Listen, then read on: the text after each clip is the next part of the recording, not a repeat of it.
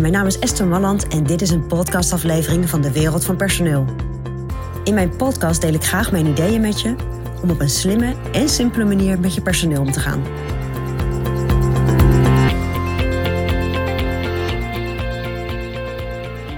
Ja, vraag je medewerker om het aapje. Aapje, denk jij nu? Uh, wat voor een aapje moet ik dan vragen? Nou, in een andere uitzending heb ik gevraagd: ben jij een leidinggevende met aapjes? En dat zijn vaak leidinggevenden die de problemen en de uitdagingen van hun medewerkers zelf op hun schouders nemen. En het dus overnemen van de medewerker. Ja, soms is dat toch handig om dat te doen. En ik zal je uitleggen waarom ik dat zeg.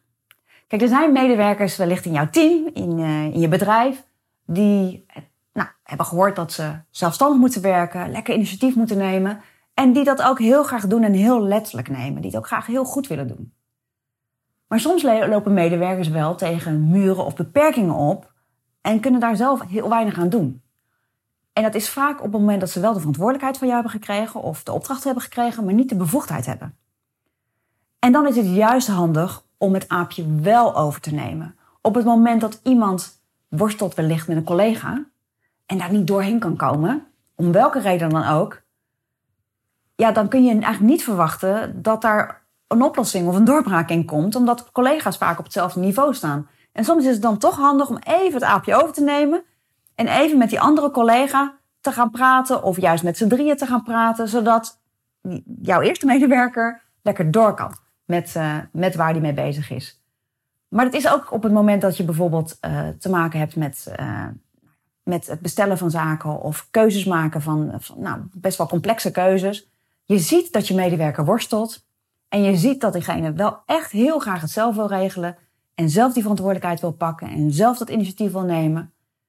Maar je denkt, ja, weet je, daar, daar, iemand loopt ook tegen zijn eigen beperkingen aan. Ja, dan is het wel handig om dat aapje even op je schouder te zetten. Dat ook even te bespreken. Van joh, dit pak ik heel even van je over. Dat is voor jou misschien nog even te lastig. Of joh, dat is voor jou lastig vanuit jouw positie.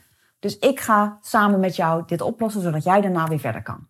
Nou, en dan is het dus heel goed om het aapje van je medewerker over te nemen. En dat bedoel ik met, uh, met dit advies. Dus bedenk nu ook welke medewerker loopt een beetje tegen beperkingen aan, loopt wellicht tegen de muur aan. En wat voor een aapje zou jij even terug kunnen pakken, zodat daarna het weer lekker loopt. Eigenlijk is dat ook een vorm van faciliterend uh, leiderschap.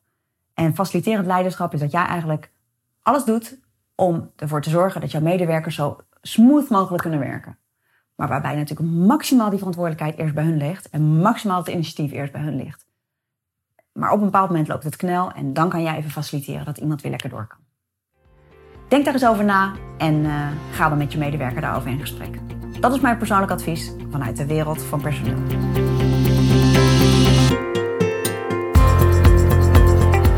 Wil je ontwikkelingen in de wereld van personeel blijven volgen? Abonneer je dan op ons podcastkanaal. Ook op onze website vind je allerlei slimme ideeën en adviezen. Dus kijk even rond op www.dewereldvanpersoneel.nl